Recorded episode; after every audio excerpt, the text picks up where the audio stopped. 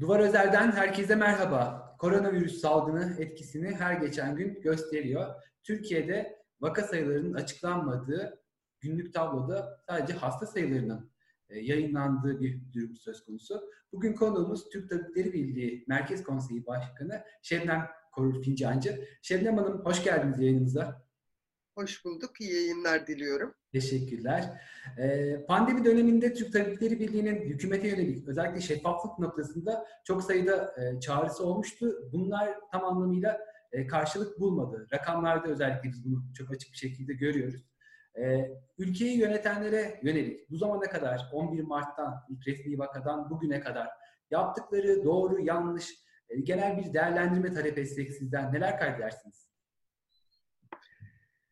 Şimdi tabii e, bu gerçekten çok uzun bir e, konuşmanın konusu olabilir ama şöyle bir takım başlıklar ifade etmek gerekebilir. E, öncelikle e, biz Türk Tabipleri Birliği olarak e, ve bir hekim örgütü, bir meslek örgütü olarak e, bu süreçte bir salgın söz konusuysa toplum sağlığı açısından e, koruyucu hekimliği e, de önceleyen bir meslek örgütüyüz aynı zamanda.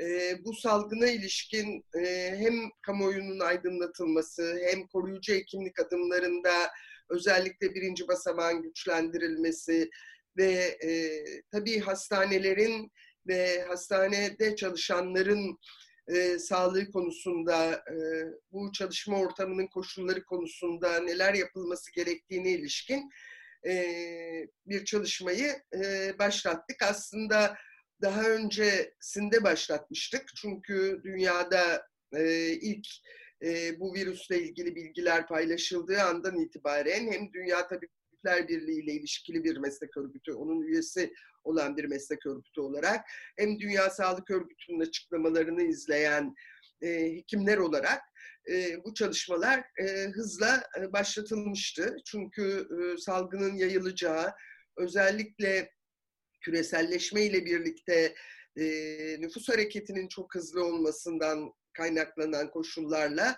e, geçmişteki büyük salgınlara göre çok daha yaygın bir durumla karşı karşıya kalacağımızı öngörmüştü meslektaşlarımız. Türk Tabipleri Birliği'nin e, önceki dönem e, Merkez Konseyi'nde olan e, meslektaşlarım ve e, hemen bir izleme kurulu oluşturulması yönünde e, çabalarını başlatmışlardı. Yani Mart'tan çok önce aslında bu alanın özellikle uzmanları çalışmaya başlamıştı. Ve biz Türk Tabipleri Birliği olarak da Sağlık Bakanlığı'na hani bu alanın en yetkin insanlarının uzmanlık alanları itibariyle e, Türk Tabipleri Birliği'nin e, üyeleri olduğu, gönüllüleri olduğu, e, Türk Tabipleri Birliği'nin ilgili kollar, e, örneğin halk sağlığı kolu gibi e, ve uzmanlık alanlarını kapsayıcı uzmanlık dernekleri eğitim koordinasyonu e, çatısı altında uzmanlık derneklerinin varlığını ve dolayısıyla birlikte çalışmanın Türk Tabipleri Birliği'nin bu konuda e, katkı sunabileceğinin bilgisini iletmiştik. Yani iletmişti e, daha önceki yönetimde bulunan arkadaşlarımız. E, hani bizim kocaman bir UDEK'imiz var, uzmanlık dernekleri koordinasyonu ve orada bütün bu ilgili uzmanlıklar yani bir salgınla başa çıkmada söz konusu olabilecek, her adımı atabilecek uzmanlık dernekleri var. Birinci basamağımız çok güçlü. Birinci basamaktaki gönüllülerimiz, işte aile hekimleri, e, bunları dile getirmiştik.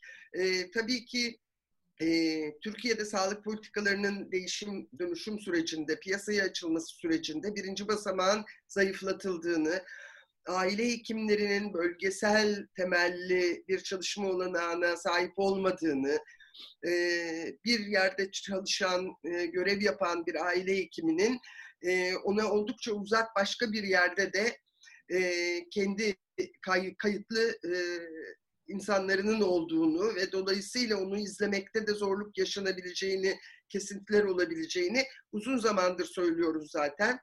E, koruyucu hekimlik e, bir hekimin işi değil, e, kocaman devasa bir ekip çalışması aslında. Yalnızca hekimlerle değil tüm sağlık çalışanlarıyla birlikte yürütülmesi gerekiyor. Ama bu olanaktan yoksun aile hekimleri e, ekip çalışmasını yürütebilmekte sınırlıkları var. E, bazen yalnızca bir hemşireyle çalışıyorlar ve izlem çalışmalarını zorlaştıran bir durum bu. Bunu aktarmaya çalıştık ve e, aslında Türk Tabipleri Birliği uzun zamandır zaten birinci basamağa ilişkin bu görüşlerini de iletiyor Sağlık Bakanlığı'na her aşamada. E, bu çalışmaları yürütmeye çalıştık ama e, ne yazık ki Sağlık Bakanlığı bizimle birlikte çalışma e, iradesi göstermedi. Eskiden olduğu gibi göstermemişti. E, şimdi de biliyorsunuz işte verilerin farklı girilmiş olması, bazı bilgilerin yeterince açıklıkla paylaşılmamış olması gündeme geldi. Tam da bizim e, seçimlerin ardından e, ve bunu konuşmak zorunda kaldık. Gene bir çağrı yaptık. Dedik ki gelin bakın hani alanın yetkin insanları e, ile birlikte çalışın. E, biz bu konuda size destek olabiliriz dedik. E, ama böyle bir olanak olmadı e, ve anladığımız kadarıyla hani o bilim kurulu olarak tanımladıkları e, kurulun içindeki insanlarla da bilgiler yeterince şeffaflıkla paylaşılmamış. E, tabii bu da ayrıca bir sıkıntı. Bilim kurulundaki meslektaşlarımızın da hani bu şeffaflığın olmaması halini nasıl değerlendirdiklerini düşünmemiz gerekiyor. E, nasıl yürüyeceklerini bundan sonra. E, biliyorsunuz dün itibariyle de bir makale paylaşıldı.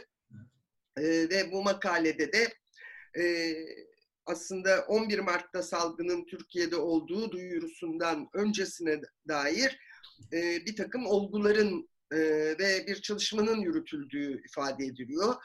E, klinik bulgular üzerinden bir tedavi yöntemi uygulandığı belirtiliyor.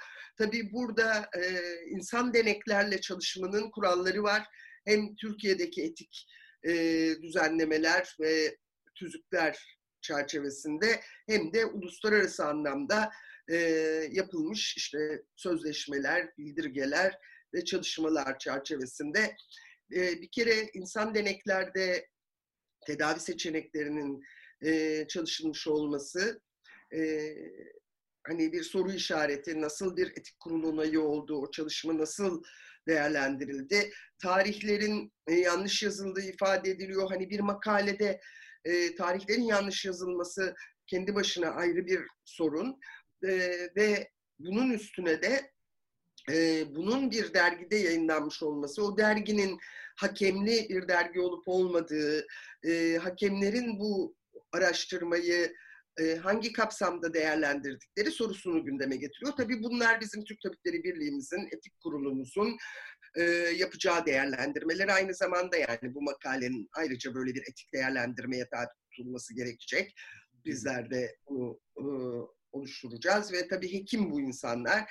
Dolayısıyla bağlı bulundukları odaların da bu bilimsel yayın konusunda bir değerlendirme yapması zorunluluk haline geliyor e, kaçınılmaz olarak.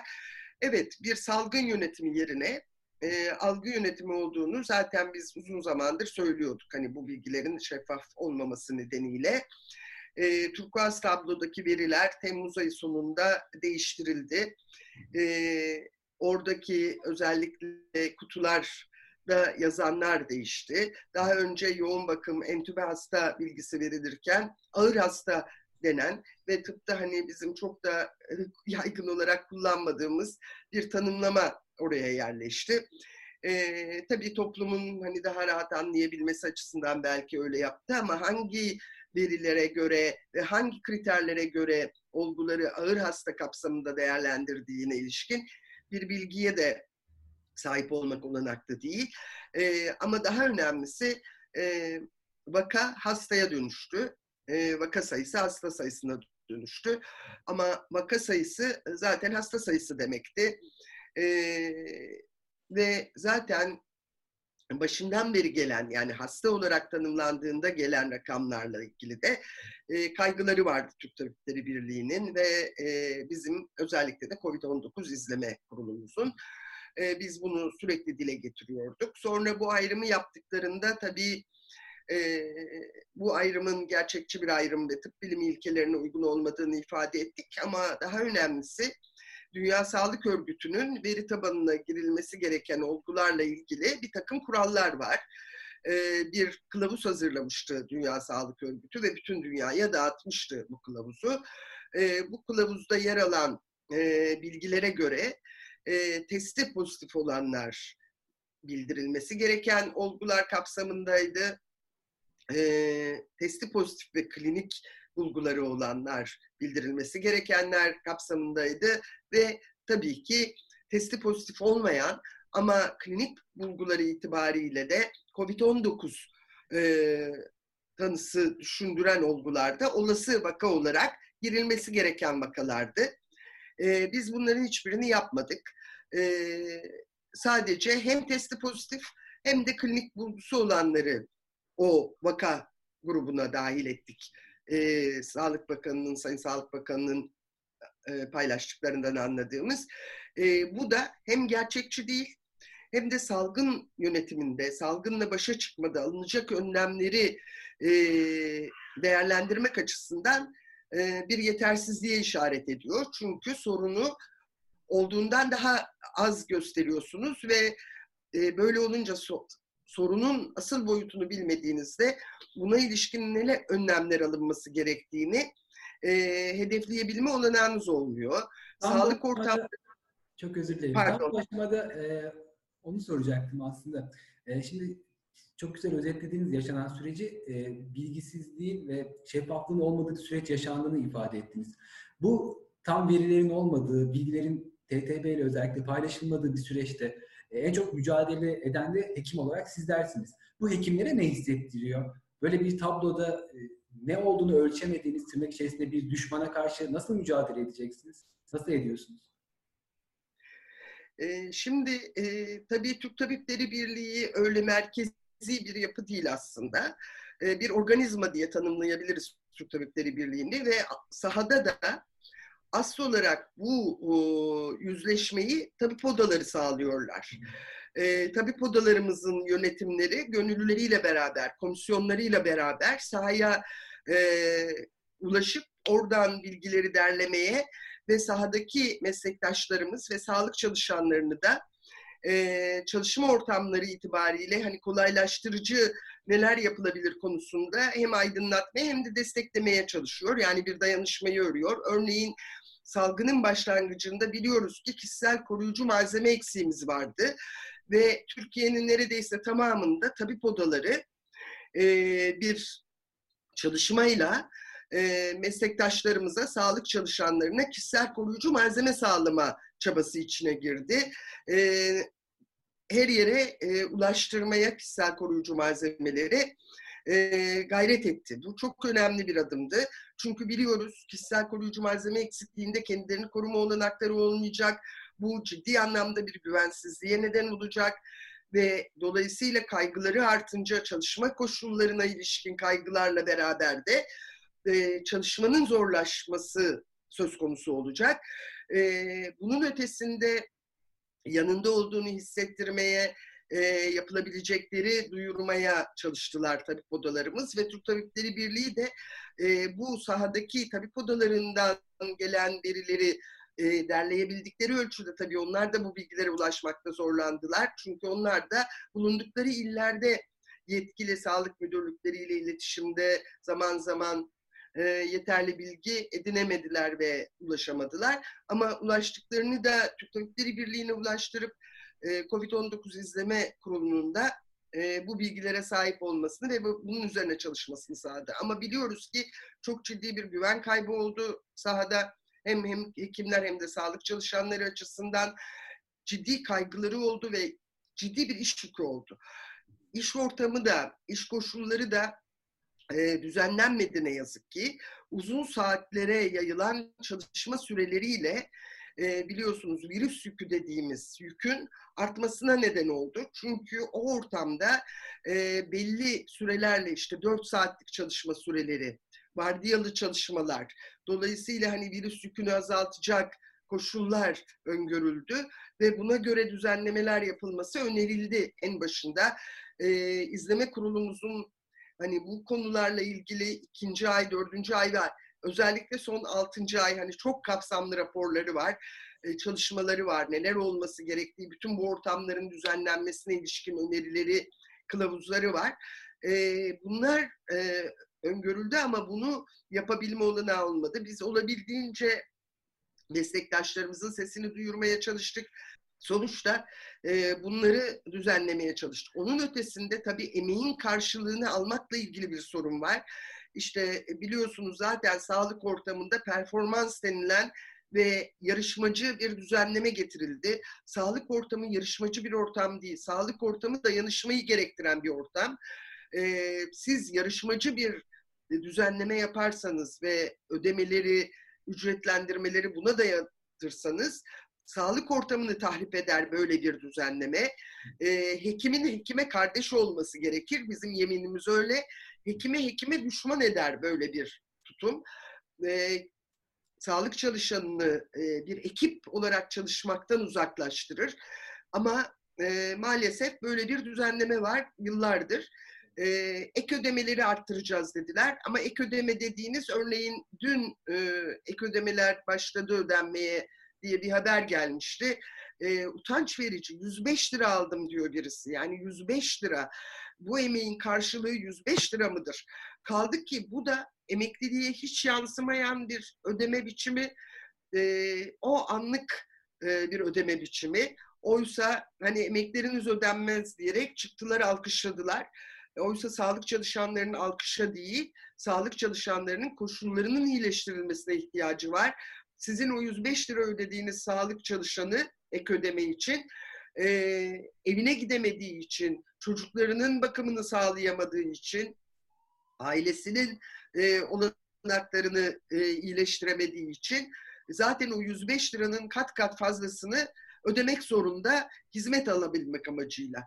E, böyle bir durum var. Biliyoruz işte komşusuna bırakmıştı bir hemşire çocukları e, bakım için komşusunun evi yandı ve çocukları da beraber yandı.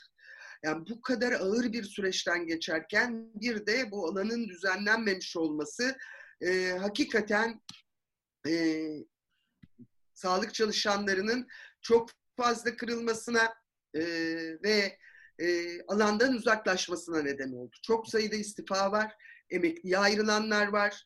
E, insanlar gittikçe e, bu alanda çalışmak istemiyorlar. E, bunu söyleyebilirim. E, bu süreçte sağlık çalışanlarının e, insanüstü neredeyse bir çabası oldu e, ve e, hakları konusunda da hem Türk Tabipleri Birliği'nin hem de diğer sağlık meslek örgütlerinin e, talepleri her gün dile getiriliyor ama tam anlamıyla bir karşılık şu ana kadar bulmuş değil.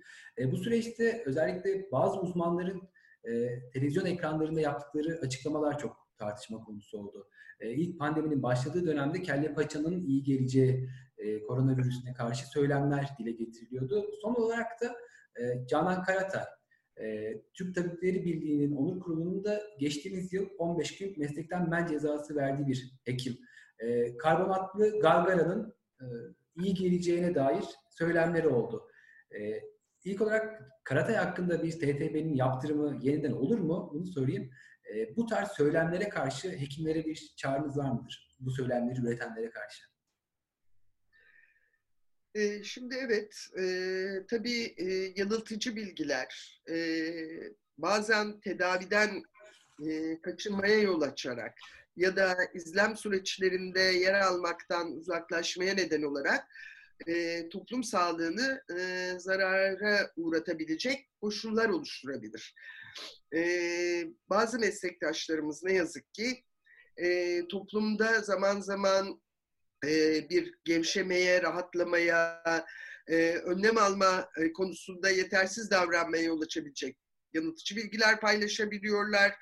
E, bazı tamamlayıcı tıp yöntemlerini sanki tek e, tedavi yöntemi, tamamlayıcı tedavi yöntemlerinin tek tedavi yöntemiymiş gibi sunabiliyorlar. Alternatif tıp uygulamalarını e, tıbbın karşısına, bilimin, bilimsel bilginin karşısına çıkarabiliyorlar. Bunu biliyoruz. Toplumda zaten bilimsel bilgiyle ilgili e, bir sıkıntımız var bizim. Bilimsel bilgiye e, saygı, bilimsel bilgi konusunda e, gereken farkındalığın olmaması olması ile ilgili eksiklikler e, çok yaygın. Çünkü e, bizim eğitim modelimiz zaten meraka dayalı bir eğitim modeli değil. Yani merak etmeyi e, bir biçimde teşvik edip bu merakın sonucunda da kendisinin araştırarak bilimsel bilgiye ulaşmasını sağlayan bir bilimsel metodolojiye sahip değiliz biz.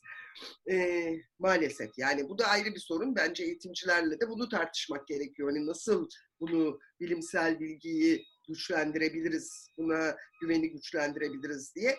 Dolayısıyla bu tür her e, dayanağı bilimsel bilgi olmayan açıklamada toplumda bir kırılma, bir rahatlama yol açıyor. Üstelik de bunların çok kolay olduğu düşünüldüğünde bazı uygulamaların ya ben niye gideyim de zor koşullar yaratayım, niye hastaneye gideyim, e, niye bildireyim, ben bu kolay işi yaparım ve rahatlarım duygusuyla bazen hani gecikmiş olgular olarak e, sağlık kurumlarına başvurulara neden olabilecek yaklaşımlar bunlar. O yüzden tabii Türk Tabipleri Birliği bütün bu açıklamaları izliyor zaten. Bununla ilgili değerlendirmeleri yapıyor. Ne iyi ki tabip odalarımızın onur kurulları var. Bu bir süreç biliyorsunuz.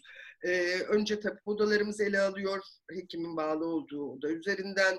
Sonra e, odamız kendi onur kurullarına iletiyor e, bir disiplin kuruludur aslında onur kurulu dediğimiz. Hani geçmişte adı öyle olmakla birlikte. Onlar değerlendiriyor. E, sonra gelen itirazlar bağlamında da yüksek onur kuruluna kadar ulaşıyor e, bu dosyalar. O yüzden bir sürece yayılıyor. Bazen hani hemen tepki gösterilmemiş gibi gelebilir.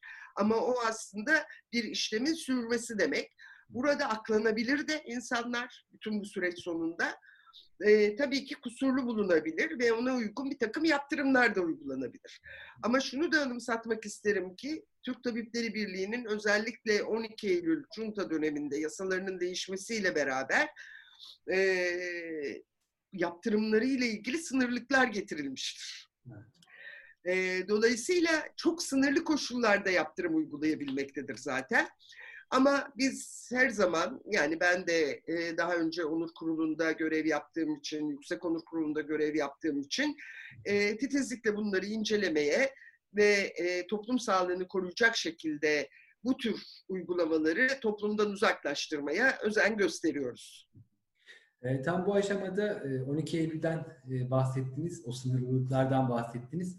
E, aynı zamanda da e, hekimlerin sağlık çalışanlarının motivasyonunu bu süreçte kırdığı düşünülen en önemli başlıklardan birisi de siyasilerin açıklamaları. E, MHP Genel Başkanı Devlet Bahçeli bu haftada e, TTB'nin kapatılmasına yönelik çağrısını dile getirdi e, ve doktorların tümünü temsil etmediğiniz yönünde iddiaları e, dillendirdi. E, bu süreç, bu söylemler tam da sizin Merkez Konseyi'nin belirlendiği aşamada gündeme geldi. Bu yeni yönetimi nasıl etkiledi ilk olarak onu sorayım. Genel anlamda da aslında bu tarz söylemler hekimleri nasıl etkiliyor? Evet.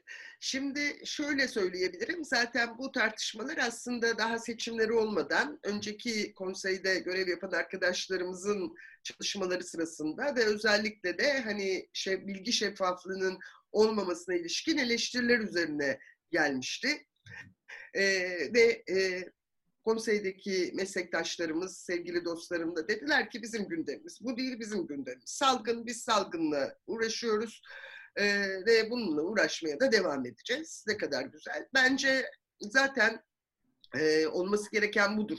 Hani bir hekim olarak e, meslek örgütünde, bir demokratik kitle örgütünde görev üstlenen biri olarak e, biz tabii ki e, sağlık politikaları çerçevesinde ve sağlığın tüm belirleyicileri tabii toplum içindeki çerçevesinde e, bir siyasal mücadele yürütüyoruz. Ama siyasi bir mücadele yürütmüyoruz. Hani sözcük aynıymış gibi görünebilir. Hani bir siyasetçi değiliz biz. Öyle bir kaygımız da yok. Dolayısıyla siyasetçilerin yaklaşımı e, bu aşamada onların kendi yaklaşımıdır biz sağlık politikalarını daha gelişkin hale nasıl getirebiliriz diye uğraşmak zorundayız. Hele ki salgın ortamında. E, gene aynı şeyleri söylüyorum. E, akıllarına sağlık, yüreklerine sağlık önceki konsey üyelerimizin, başkanımızın. E, gerçekten çok önemli bir şey söylediler. Bizim sorunumuz salgındır. Biz salgınla uğraşıyoruz. Birinci önceliğimiz e, bir önceliğimiz daha var. Bu sağlık ortamının güvenli hale getirilmesi. Bu hem salgın açısından hem de sağlıkta şiddet açısından. E, aynı zamanda da toplumdaki şiddet açısından. Çünkü toplumdaki şiddet sağlıkta şiddete yansıyan boyutu olan bir durum. Ayrıca da sağlık çalışanlarının hastayla yüz yüze getirilmesi, e, aradan e, bunu düzenleyecek olan kurumun çekilip onları baş başa bırakmasının da bunda çok büyük rolü var. Kimdir bu kurum? Sağlık Bakanlığı'dır tabii ki. Yeterli bir düzenlemeyi yapacaktır ki Sağlık Bakanlığı e, yüz yüze gelmek zorunda kalmasınlar. İdareciler düzenlemeyi yapacaktır. Bakın şöyle bir durum var. İşte asistanlar biliyorsunuz sonunda e, sorunlarını dile getirmeye başladılar. Eğitim durmuş durumda salgın nedeniyle. Ve farklı uzmanlık alanlarında eğitim alması beklenen asistanlar kayıt memuru olarak kullanılıyor sağlık kuruluşlarında. Kayıt memuru olarak kullanılması demek hastayla daha ilk elden yüz yüze gelmesi ve o kayıt sırasında yaşanan sorunları da sanki sorumlusu asistanmış gibi gözetilmesi gerekiyor. Daha mesleğinin başında eğitim alma sürecinde olan bir insan. Eğitim haklarının tümüyle e, ellerinden alınmış olması, eğitim hakkının ihlalini bir yana bırakıyorum. Yani bu insanlar örneğin e, diyelim ki e, biyokimya uzmanlık eğitimi alıyorlar ama COVID-19 polikliniği kaydında çalışıyorlar. Adli tıp eğitimi alıyorlar teorik olarak ama COVID-19 polikliniğinde hasta takip ediyorlar. E, nerede bunların uzmanlık eğitimi? Halbuki biz söz vermişiz o insanlara bu alanda uzmanlaşmak istiyorlar. Uzmanlık eğitimi vereceğiz. E, tabii ki salgın sürecinde canla başla çalışalım. Hep beraber çalışalım ama bunun yanı sıra eğitimi de planlayalım. Onları eğitimsiz kal bırakmayalım. E, tıp fakültelerindeki öğrenciler için de geçerli bu. E, bu şekilde bir değerlendirme yapalım diyoruz. E, ne yazık ki. O yüzden hani bu tartışmalar e, tabii geçersiz. Tabii hekimlerin, meslektaşlarımızın kafası karışıyor çünkü algı yönetimi her yerde. Bu konuda da öyle. Pek çok yalanlar, çarpıtılmış gerçeklerle e, bu söylemler geliştiriliyor. E, ama biz e, hani Türk Tabipleri Birliği olarak meslektaşlarımıza ulaşıyoruz. Onların sorunlarını gidermeye çalışıyoruz. E, yetemediğimiz koşullar oluyor ama yetmek için de elimizden geleni yapıyoruz elbette e, temsil sorununa gelince bu bir seçim. E, ve e, tabii tabip odasında üye olan meslektaşlarımız gelip oy kullanıyorlar. Kullanmadıkları olabiliyor. Bu da onların seçimi, demokratik bir seçimde. Hani oy kullanmamayı da tercih edebilirler, bilemeyiz. E, ve bir e, heyet belirleniyor. Delegeler belirleniyor. O delegelerde e, sonuçta Merkez Konseyi'nin yapısını belirliyor. Ee, burada herhangi bir şey yok. Yüksek Seçim Kurulu ile yapılıyor seçimler. Son derece şeffaf bir şekilde sayımlar yapılıyor. Oy kullanımı gizli zaten. Hani etkileyip yapabilme olanağı yok. Ee, bu tür e, zaman zaman açıklamaların bir kısmı da e, oda bölgelerinde seçimleri kaybetmiş gruplar e, seçime girmiş ama kazanamamış gruplar eliyle dile getiriliyor. E, bu değil bizim dediğim gibi sorunumuz. Sonuçta biz onların da merkez konseyiyiz. Hani bütün meslektaşlarımızın alandaki sorunlarını, mesleğe dair sorunlarını e, çözebilmek amacıyla el birliğiyle dayanışma içinde çalışacağız. E, çok kısa şunu da sormak istedim. Siyasetçilerin bu tarz söylemleri, e, TTB yönetimini, bazı hekimleri e, hedef göstermesi o şiddetle ilişkili mi? E, çünkü sağlık çalışanlarına yönelik şiddet e, pandemi döneminde de durmadı ve artarak devam etti. Çok e, sembolik görüntüler ortaya ne yazık ki çıktı. Bu siyasetçilerin söylemiyle şiddet arasında da bir ilişki kuruyor musunuz? Mutlaka zaten şiddetin önemli bir bileşeni hedef gösterme davranışı, linç davranışıdır. Sözel linçler fiziksel linçe kolaylıkla evrilebilir. Bunu biliyoruz. Örneğin Türkiye'de pek çok gruplarla ilgili, e, insanlarla ilgili e, bir hedef gösterme zaman zaman olur. Ve bu hedef gösterme sonucunda da bir bakmışız e, bir fiziksel lince dönüşmüş e, o süreç. Dolayısıyla çok tehlikeli tabii ki düşmanlaştırma davranışı çok yaygın son yıllarda özellikle damgalama düşmanlaştırma ve bunun üzerinden ayrıştırma. Ben toplumun buna özen göstermesini diliyorum sadece. Hani müdahale edebilmek kişisel olarak olanağım yok ama e, uzun yıllardır insan hakları mücadelesi içinde olan biri olarak da hep bu konuda aydınlatmaya, şiddetin önlenmesi için mücadeleye e, ayırdım yaşamımın önemli bir kısmını. E, evet, sağlıkta şiddet bu hedef göstermelerle çok doğrudan ilişkilidir. Özellikle de siyasetçilerin diline özen göstermesi gerekir ki e, bu tür şiddet davranışlarını tetiklemesin. Son olarak da siz de ifade ettiniz aslında e, yıllardır hak ihlalleriyle ve işkenceye karşı çalışmalar yürütüyorsunuz. E, mücadele ediyorsunuz ki bu tarz konularda en önemli görev de ilk etapta bunun tespiti noktasında hekimlere düşüyor. E, TTB'nin yeni yönetiminin belirlendi. Bundan sonraki pandemin dışındaki en önemli gündem maddeleri neler olacak? Son olarak da sizden bunu dinleyeyim. Şimdi pandemi e, ile birlikte aslında e, tabii ki sağlıkta şiddet önemli bir gündem maddesi. Çalışma ortamlarının e, sağlıklı biçimde düzenlenmesi, çalışma koşullarının sağlıklı biçimde düzenlenmesi, e, özellikle e, eğitim süreçlerine ilişkin uzmanlık dernekleri koordinasyonumuzla da birlikte eğitimin nitelikli hale getirilmesi, salgından etkilenmeyecek bir şekilde eğitimin gerçekleştirilebileceği koşulların oluşturulması, koruyucu hekimlik ve dolayısıyla birinci basamağın güçlendirilmesi ve e, hekimlerin çalışma koşulları yanı sıra e, ücretlerinin insanca yaşayabilir düzeye çıkarılması ve bunun emekliye yansıyacak bir biçimde olması. Bakın asgari ücretin altında emeklilik maaşı alan meslektaşlarımız var bizim. Bu Türkiye'nin utancıdır asgari ücretin altında. Ee, hani asgari ücret bile değil. Ee, ve doğal olarak bunların iyileştirilmesine dönük e, bütün alanlarda kollarımızla beraber, kurumlarımızla beraber, çalışma gruplarımızla beraber çalışmaya, mücadele etmeye devam edeceğiz. Ee, olmazsa olmaz bunlar. Ee, bunun yanı sıra salgınla çok doğrudan bağlantılı biliyorsunuz ardı ardına meslektaşlarımızın kaybını öğrendik biz son günlerde. E, birincisi bunun bir meslek hastalığı olduğunu, olması gerektiğini yasal olarak da e, biz vurgulamaya ve bunun için uğraşmaya, yasal düzenleme için uğraşmaya devam edeceğiz. E, bu kayıplar iş cinayeti niteliğindedir. Çünkü gerekli önlemler alınmamıştır, gerekli adımlar atılmamıştır. Bir de unutulmaması gerekir. Biz COVID-19 diyoruz ama aslında SARS-CoV-2 bir sendromdur. Yani çoklu bir bozukluktur e, çoklu sağlık sorunlarıdır. Farklı organ ve sistemleri etkilemektedir. Ve e, testlerdeki negatifleşmenin ardından da e, bir takım organlarda, sistemlerde e, hala hasarın devam ettiği koşullar vardır. Yapılan araştırmalar bunu gösteriyor. Dolayısıyla sağlık çalışanlarının bu e, hastalık sonrası işe başlatılmasında sürelerin, e, takip sürelerinin de hani bir de bütün insanlar için de tabii yeniden değerlendirilmesi gerekir. Bilimsel araştırmalar ışığında buna da düzenleme getirilmesi gerekir ki bir iş cinayetine dönüşmesin süreç. Şebnem Hanım konumuz olduğunuz için çok teşekkür ederiz. Yo, rica ederim. Benim için e, çok kıymetliydi. Hani en azından görüşlerimizi aktarabilme olanağı verdiniz bize. Ben teşekkür ediyorum Gazete Duvar'a.